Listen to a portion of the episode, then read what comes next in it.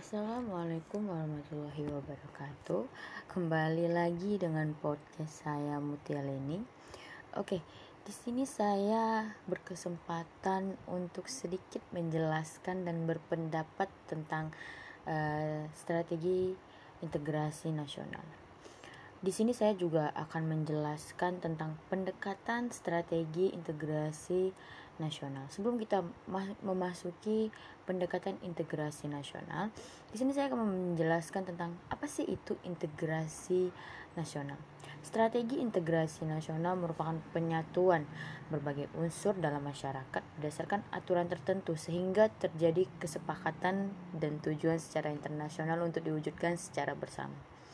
Dan untuk pendekatan yang akan saya bahas yang pertama yaitu adanya ancaman dari luar seperti takut terjajah kembali sehingga perlu diperkuat lagi integrasi nasional suatu negara.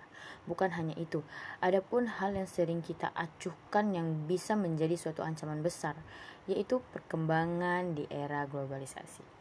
Dengan perkembangan di era globalisasi yang cukup pesat, bagi seseorang yang tidak bisa mengatur pola hidupnya akan terjerumus ke hal yang tidak baik. Dan yang kedua, ada gaya politik kepemimpinan.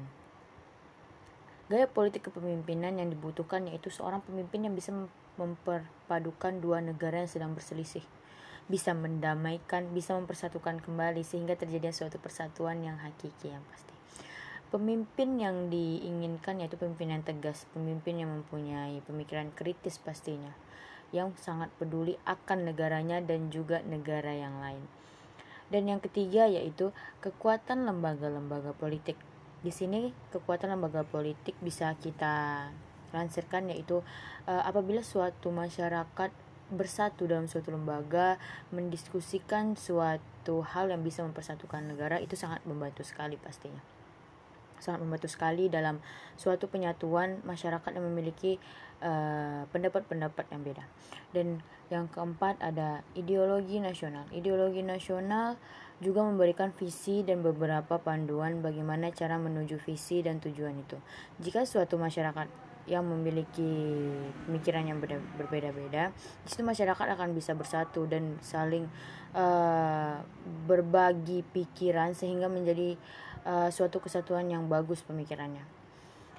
Dan yang terakhir ada kesempatan pembangunan ekonomi.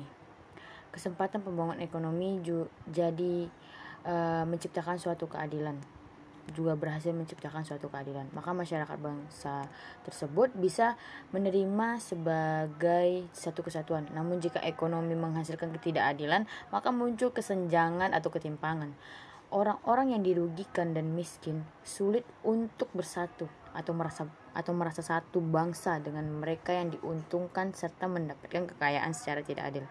Banyak kasusnya banyak kasus karena ketidakadilan, maka sebuah masyarakat ingin memisahkan diri dari bangsa yang bersangkutan.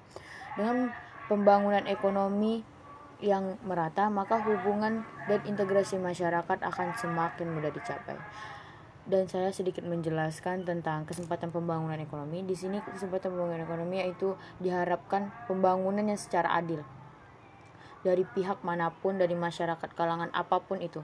Jadi ketikanya sesuatu pembangunan itu sudah merata dan sudah adil, maka masyarakat pun akan merasa sangat dihargai.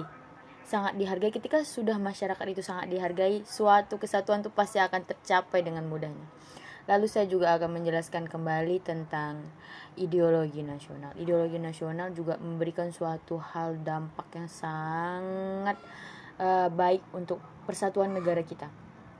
Dengan ideologi nasional, perpaduan pemikiran yang sangat berbeda dari setiap masyarakat juga bisa dipadukan dan disatukan sehingga persatuan itu juga sangat terjalin dengan baik pastinya. Dan saya juga menjelaskan kembali tentang lembaga. Lembaga di sini entah itu apa pun lembaga yang sudah pasti yang diharapkan yaitu lembaga yang betul-betul uh, bertujuan baik untuk negara. Yaitu lembaga yang bisa mempersatukan, bisa membuat masyarakat rukun, bisa membuat masyarakat tetap bersama dengan satu pemikiran yang baik untuk bangsa yang bersangkutan. Ya sudah pasti untuk bangsa kita juga. Untuk masyarakat tersebut dan untuk orang lain juga. Mungkin sekian podcast saya untuk hari ini dan untuk kali ini mungkin saya cuma bisa menjelaskan sedikit saja tentang strategi integrasi nasional. Sekian dari saya. Wassalamualaikum warahmatullahi wabarakatuh.